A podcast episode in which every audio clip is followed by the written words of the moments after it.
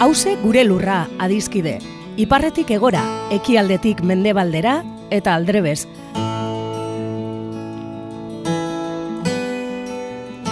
Lurra bakarra dugu edo gaituen lur bakarra da hause. Eta zaintzat dan hori dagokigunez, hemen horretaz egingo dugu berba. Lurraren zaintza kontu ekonomiko, ekologiko eta politikoa da, baita kulturala, kolektiboa eta publikoa.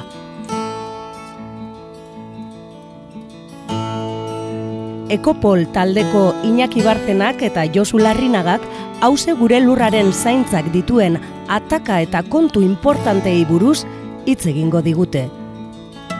Lurrosoaren erasoak ezin garaitu zezakeen hiri bat ikusi nuen ametxetan. Kaixo laguno, ongi etorriak, berriz ere hause gure lurra irratza joan, gai eta ingurumen e, politikakoak eta gurekin e, batera betiko moduan e, Josu Larrinaga, ekopoleko ikerlaria, kasetari eta antropologoa. Kaixo Josu, gaur e, ze, ze gaia ikutuko duzu gure irratza joan? Bueno, Iñaki, ba, gaur igual alako dialogo sokratiko bat egingo dugu, ez dut nik e, segulako espitza botako eta zu gero zeo zer arrapostu, ze honi buruz e, zuk dakizu nik baino gehiago, gehiago bizi izan zenuen eta gehiago ikartu zenuen be bai. Orduan e, ni planteatuko dizkizu gauza batzuk, ze bueno, e, hau grabatzen ari garenean e, gerra badago Europan, Ukrainan eta eta itxura txarra e, zabaldu daitekela eta bar eta bueno, horrek eraman nau goratzera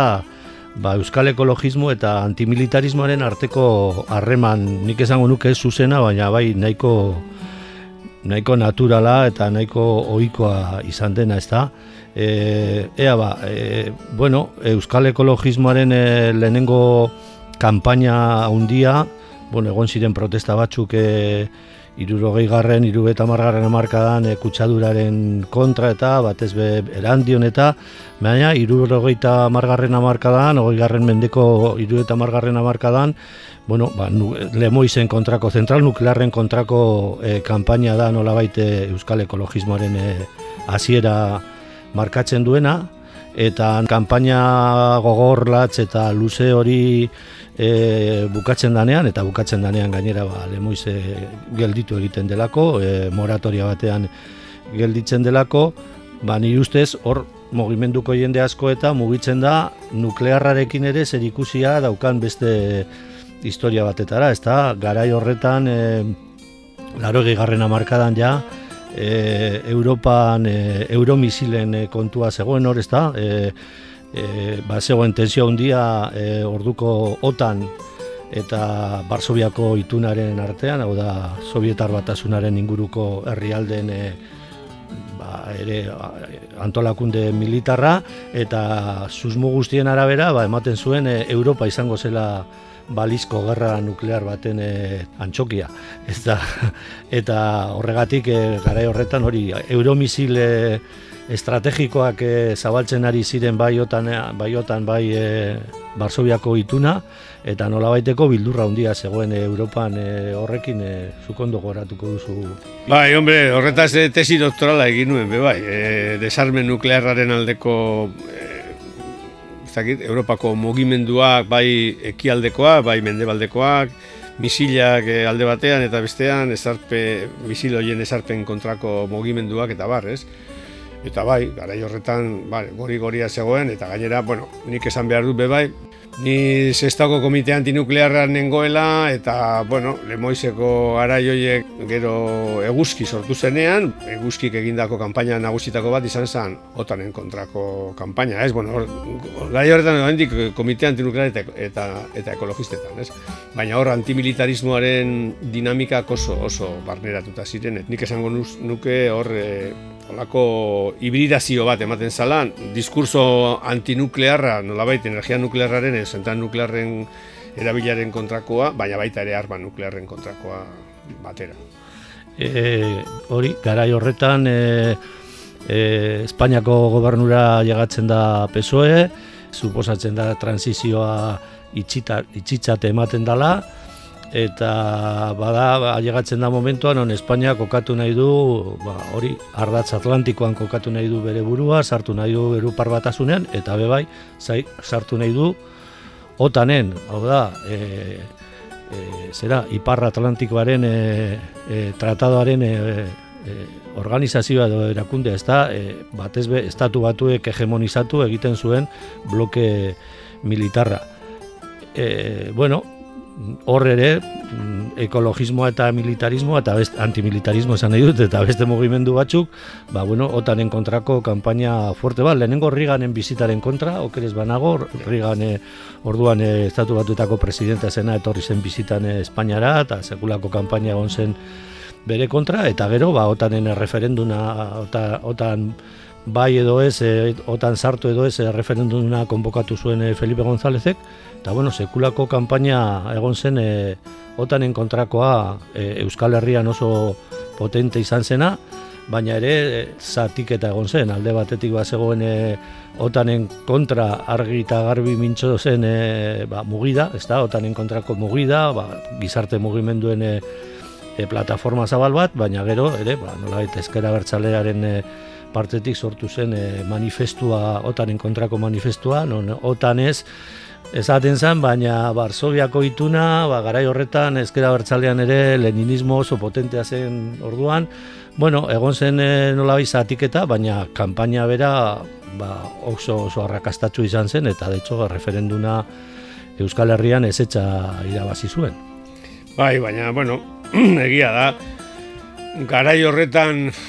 bai, komite antinuklear eta ekologistek sortutako kanpaina hortan eta gero ba, antimilitaristekin, ez? E, kem edo mokeko jendearekin, kakitza eta beste talde sindikatuak eta jende pilo baten artean movida antiotan hori ba, antolatu zen. Kurioso izan zen, zer desdibiderak eta egon zen, ba, eskera bertzaleko sektore prosobietiko baten aldetik esan ez, bueno, gu ez gara unilateralistak, gu, guk ez diogu eskatzen e, bakarrik otan, e, gobernuari otan ez, baizik eta hemen desarmea, alde bietako desarmea egon behar da, ez? Logika bilateral hortatik, e, bueno, ba, abiatu ziren, eta gero, hirugarren talde txikiago bat egon zan be bai, pakea eta desarmearen aldeko komiteak zirenak, kristauak batzuk eta beste batzuk, esaten zutela otan ez eta ere ez. ez? Lehelo antimilitarista nagusia izan behar zen etaren kontrakoa. Bueno, hori gertatu zen, garai horretan, nire ustez garai horretan, e, bueno, oso eztabaida interesgarria sortu ziren, adibidez energia nuklearraren erabilera, eta erabilera, bueno, e, nolabait elektrizidadea lortzeko, bai, eta baita ere gerra egiteko, ez? Eta e, garai horretan adibidez, kuriosoa e, da e, bi bloken arteko logika bipolar hortatik, ez? Nola gauzak nola egin ziren, eta gero gorbatxo failegatzen da Sovietar Batasuneko lendakaritzara, Txernobileko larogeta zeian, e, mila bedazien larogeta zeian, Txernobileko istripua gertatzen da, eta horren arira, ba, Sovietar Batasuna handik bost urtera desagertzen da. Desagertzen da, desegiten da, eta Gero ezagutu dugun e, Errusia, Errusia Putinek egitatutako Errusia kapitalista horrek, ba ordezkatu du, Basobiako tratatu militarra desegiten da, baina otan ez. Otanek segitzen du berean, hendik gogoratzen du tesiari nintzela egiten, Bradfordeko unibertsitatean, han e, pakearen aldeko institutukoak esatzen ba, zuek txoratuta zaudete, zuek e, Euskal Herriko edo Espainia edo Europako antimilitaristok, pesatzen bat duzue, bloke batetik e, herrialde bat ateako dala edo bloke bat e, e, nolabait desagertuko dala, bai, bloke bat desagertu zan osorik eta besteak mantendu du edo, bueno, gero ezagutu dugun. Momentu hontan e, gertatzen ari dan e, gerra, ez? Europaren dian nolabait nirezako ditu bi, bi bi puntu nagusiak. Alde batetik e, zer gertatzen da gasarekin Errusiatik Europara datorren gaza, bera bestalde batetik, otanek Ukranian beste bandera bat ipini nahi duela, hau da, e, zabaldu nahi duela Ukrania bere arlora. Eta bi tentzio hoien artean sortu da, sortu da iskanbila eta sortzen ari dan, e, ez dakit, e, gerrate hau, ez? Sortuan, nolabait esan da, e, kontu energetiko ekologikoak eta kontu antimilitaristak batera doaz, lehen eta orain. Hori da, eta garai horretan ere ezarri ziren e, marko kognitibo batzuk ere nolabait ere segurazki mantentzen dira, ez da, alde batetik, ba hori gaur momentu honetan e, Goratzen naiz, orain dela gutxen txun diot tartulia batean e, ezkera bertxalearen inguruko analista bati esan ez, ah, ba, gu orain ataka batean gaude, ze oso oso otaren kontrakoa gara oraindik eta oraindik izan behar dugu, baina momentu honetan, ba, bueno, ez nazartuko igual e, horretan, segituko dugu apurtxo bat historia kontatuz, bueno, gero hori lehen zuk ere ja ipatu duzu apurtxo bat, ekologismoa nola baite arrakasta eta gero zatitu zen, e, hor zeuden e, zatik eta lerroak e, nola lehen aipatu dugu ere otanen kontrako kanpainan nabaritu ziren e, zatik eta lerro edo arrakala ber, e, antzerakoak izango ziren, baina Euskal Herrian antimilitarismoak gero eukizuen oso segida itxurosoa eta potentea e, insumizioaren aldeko kanpainarekin, e, soldaduzkaren kontrako kanpainarekin, e, Espainiar ejertzituaren kon, e, Euskaldunak Espainiar ejertzituaren e, ejertzitora joatearen e, kontra, ezta? Horrek, e, bueno, insumizioaren e, kanpaina hori, arrakastu esan zen, eta gainera, bueno, ba, nola bai lortu zuen e, bere bere helburua edo bueno, ba, soldaduzka bukatzea ez ordea e, ejertzituak deusestea, ez ordea e, nolabait militarismoarekin e, e, bukatzea ez da, baina bueno, nigoratzen naz, borregatik egin zuzen ere gaur e, egon hori pentsatzen, enkartarrietan egin genuen e, insumizioaren aldeko taldea e, ospa deitzen zen eta ipintzen genuen azpian e, enkartarriko antimilitaristak. Eta atera genuen e, e, pegatina bat ipintzen zuena antimilitar. Hau da, eta batzuk nik uste dut bai ikusten gonela, hori zela anti-militar eta anti-militar, hor, bazegoela militarismoaren kontrako aldarri bat, e, igual zentsu horretan euskal militarismoaren kontrako aldarri hori nahiko lurraspian gelditu zen, baina eta oso hipotesi dino, eta ez dizut planteatzen galdera moduan inaki, ze ni ustez pajarilla bat izan daiteke, baina nik uste dut epertain luzera, Euskal gatazkaren e, konponketan ere egon ziren hasi antimilitarista horiek e, denborarekin e, berpiztu zirela eta agertu zirela et, militarismoaren kontrako sensibilidadea ondino ondia dela. Bai, horretan ez dut dudarik, hau da, e, gauzak ez dira eser esetik sortzen, kontu soziopolitikoetan, segun historian zea ze gauzak gertatzen diren, nun dauden hori atakak nun dauden problemak, nun dauden eztabaidak nola gertatzen diren, bai, hemen a ber, insumizioaren kanpaina e, sendotzen denean eta pentsatu behar dugu, ba, Estado Espainiarrean bos bila insumizio egon zirela, baina Euskal Herrian iru mila eta bosteun, hau da, e, insumizioaren e, e, kanpaina, bueno, e, Katalunian ere bai, Garagoien, Andaluzia leku askotan egon zan, baina, baina mamia edo zentsu potentea, ka, ikusi behar gendun, gara horretan, gogoratzen bagara, ba, gorordo, bilboko alkatea sana, aurresku bat entzatzen, begoinako elizan, e, insumiso greban, e, goze greban ziren insumizioen aurrean. Hau da, insumizioak lortu zuen, onarpen politiko, sozial oso zabalben bat, oso zabal bat e, Euskal Herri osoan, eta nik esango nuke, ba, nolabait, e, bueno, Euskal gizarteak hortik ikasi zuen. Batzuk jarretzen zuten, ah, la miliko los milis, bueno, bai, baina hori pitike-pitike eskera bertzalean be bai, da gauza bat e, mantendu ezin edala, ez? Eta orduan, pitike-pitike nik uste dut, bai, arrazoia duzu, hau da, bueno, hori da igual frogatu behar dan tesi bat, ez? Baina, E, antimilitarismoak e, Euskal Herrian utzitako ezi horietatik, ero etorri ziren nolabait desmilitarizazio, bai iparraldean eta bai egualdean, desmilitarizaziako bideak urratzea eta konbentzitzea, bueno, ba, bide armatutik e, pff, ez egoela irten biderik. Konflikto militar txikiek, ez utela e, etorkizunek ikusten genuenean, ba, munduan, islamistek adibidez, Madileko ba, dakit, e, trenetan bombak ibintzen dituztenean eta berreun hildako sortzen dutenean, ba, zen olako, bueno, zen olako dinamika sortzen dituen olako, olako bueno, e, militarismo, militarismoaren praktikak, ez? Bueno, azken batean, nik ez, uste dut e, gaur egun ailegatu gara eta nik uste dut zorionez, duela mar bat urte, ba, ez dakit, edo, edo markada bat edo gehiago, ba, Euskal Herrian e, gatazka armaturik ez dago, gatazka pilo badaude, eta nik ez dut esango, bueno, eta gatazka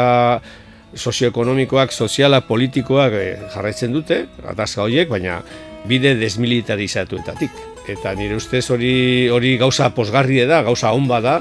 baina zuk aipatu zuen bezala, ba, gaur egun Europaren erdian gerra badugu. Gerra badugu, e, inbazio badugu eta e, otanek, bizirik jarraitzen duen otanek, ba, bere gerra honetan ez du parte hartu haindik, baina, bueno, baina hor dago pres. Eh? Ikusiko dugu, ikusiko dugu zer gertatzen da, gauza nola dauden. Hori bai, da, bai, hori da, bueno, gaur planteatu ekarri nahi nuena zen hori, ba, egoera horretan gaudela gaur egune Europan, ez da, e, berriro daukagu izu nuklearra hor, e, nuklearra alde batetik e,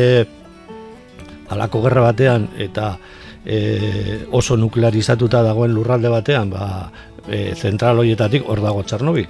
Ez da, bueno, ba, zentral horietatik sortu daitezken arriskuak handiak izaten dira, eta beste alde batetik, ba,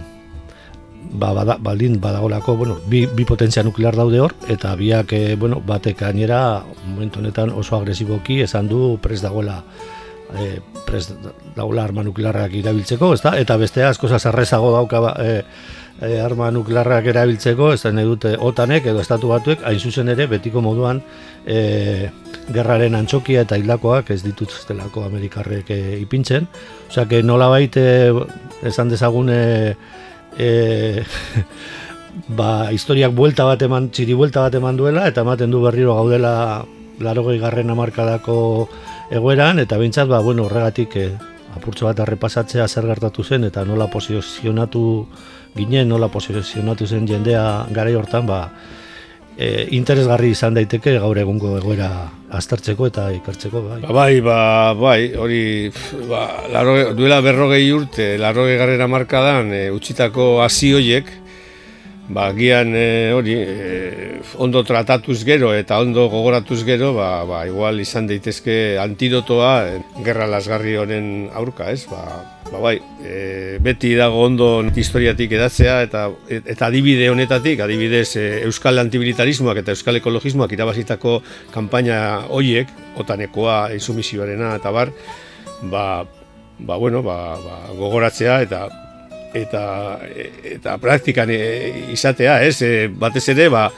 gaur egungo egoera, ba, bueno, ba, desorientatu asko e, dagoelako gertakizun hauen aurrean. Eta ze kanta ekarri diguzu gaurko saiorako? Bueno, pues hori, hau, hau izan da gure aportazioa eta orduko ere aportazio musikal bat ekarri dut oso evidentea eh, arrasateko rip taldearen antimilitar, eh, kanta edarra.